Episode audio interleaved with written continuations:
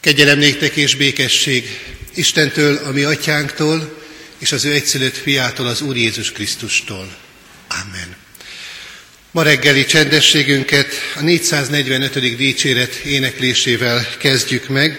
A 445. dicséret első versét fennállva énekeljük el, a második versét majd helyünket elfoglalva. Mielőtt elkezdenénk ma reggeli énekünket, dicséretünket énekelni, hadd jelentsen be és egyúttal mutassam be ma reggeli szolgálat tevő diákjainkat. Damásdi Péter, 12. diosztályos tanuló tesz majd bizonyságot, és Szabó Szonya igeolvasásával szolgál ma közöttünk. Tehát a 445. dicséretet énekeljük első és második versével.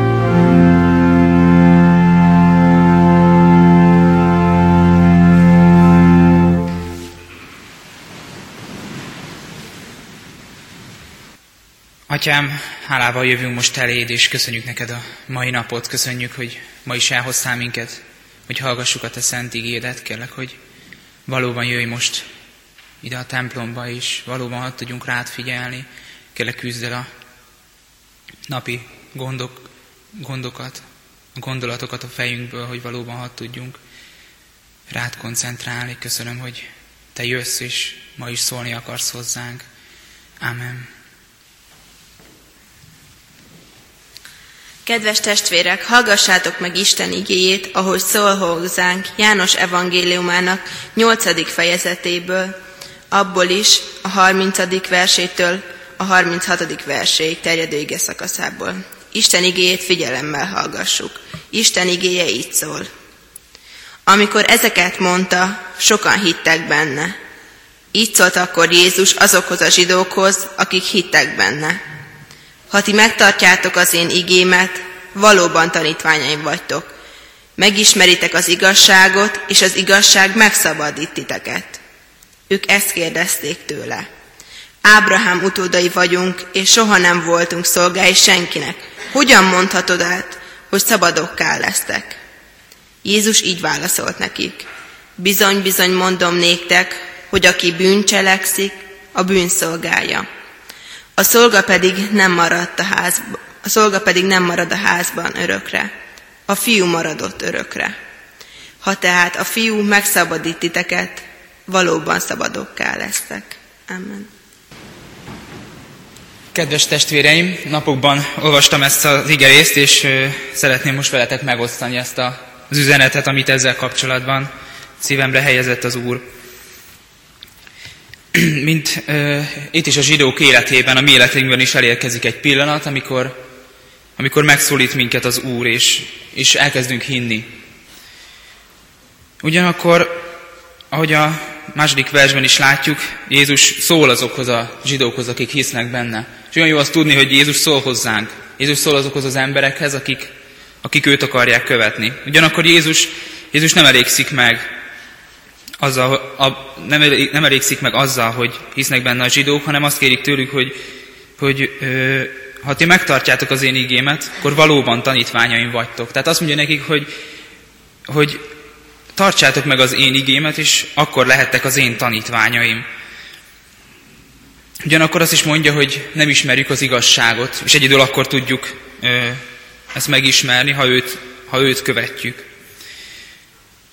Nagyon érdekesnek tartom ezt a két verset, olyan, mintha Jézus így fölvázolná a helyzetet. Azt mondaná ezeknek a zsidóknak, hogy most már hisztek bennem, akkor most én megmutatom, elmondom nektek, hogy mire számíthattok, ha valóban akartok engem követni.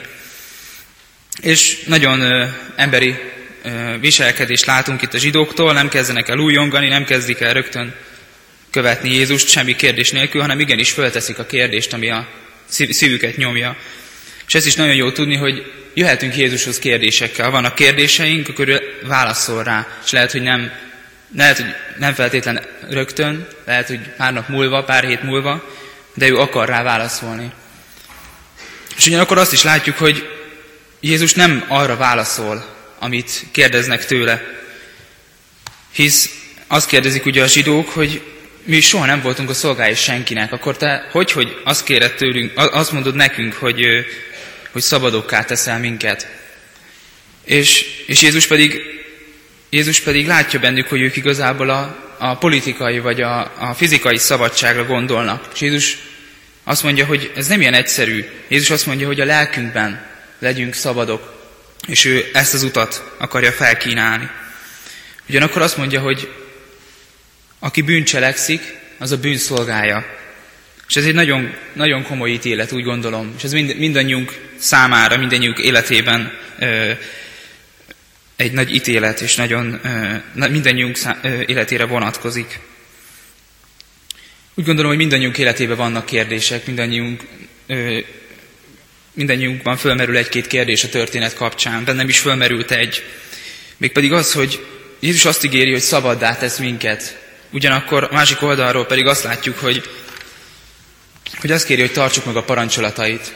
És én ezt, ezt nagyon sokáig nem tudtam hova tenni Istenben, hogy most szabadságot ígér nekem, de, de közben, közben pedig azt mondja, hogy tartsam meg a parancsait. Tehát akkor pedig az ő parancsaitól fogok függeni. Tehát akkor hol, hol van itt a teljes szabadságom? És olyan jó tudni azt, hogy az Úr erre a kérdésemre is válaszolt, ugyanakkor nem, nem ebből az igéből, de szeretnék id, ö, idézni egy szerzőtől, egy evangélikus lelkésztől, Richard Wumbrandtól, aki azt írta az egyik könyvében, Jézus, te azért adtad a törvényedet, hogy mi ne tudjuk teljesíteni azokat, de így jutunk el oda, ahova te valójában szeretnéd. És én ezt olyan furcsának tartottam ezt, az ezt a mondatot először, hogy Jézus azért adja az igéket, Isten azért adja a törvényt, hogy ne tartsuk meg azokat. Ez annyira abszurdnak hangzik.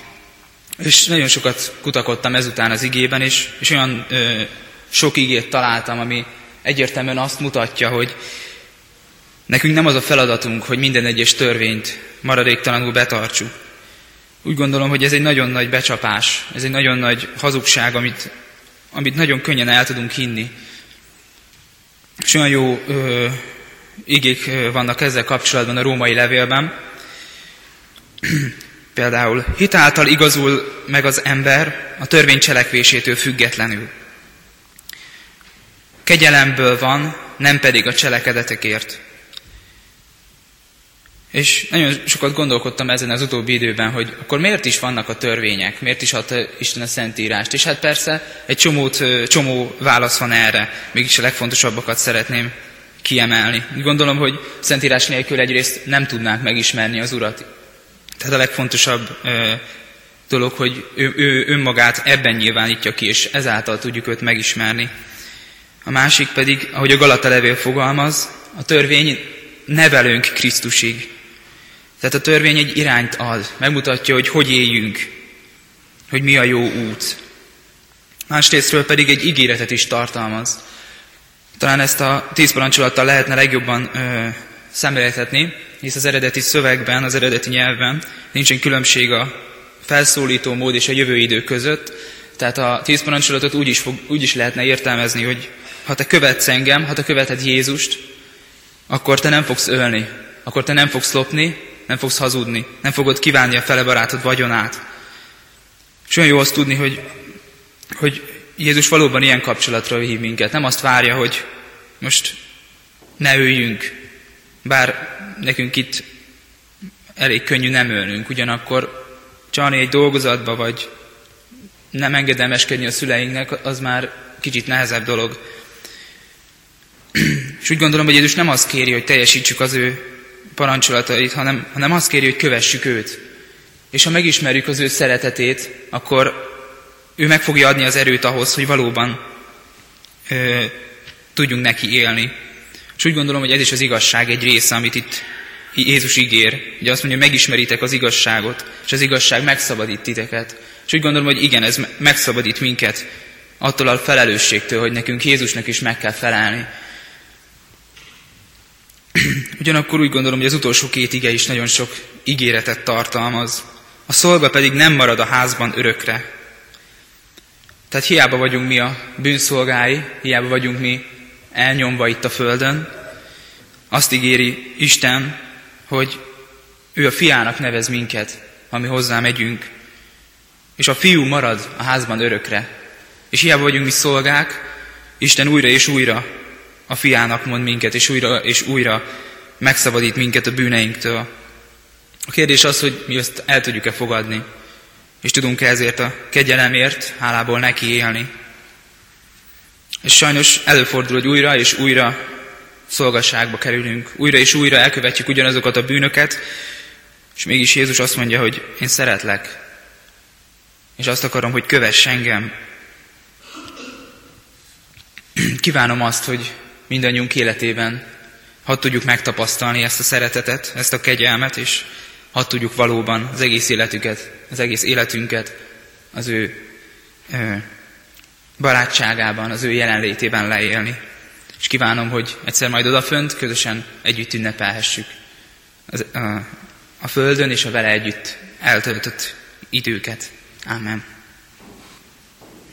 Atyám, hálát adok neked azért, hogy mi minden nap megtapasztalhatjuk a te kegyelmedet, ami valóban szánunk arra időt, hogy ezt valóban megtapasztaljuk. Te látod, hogy mennyi dolgunk van, de kérlek, hogy valóban adj nekünk időt, és adj nekünk erőt arra, hogy rátszálljunk időt, és csak te, te tudsz nekünk boldogságot adni.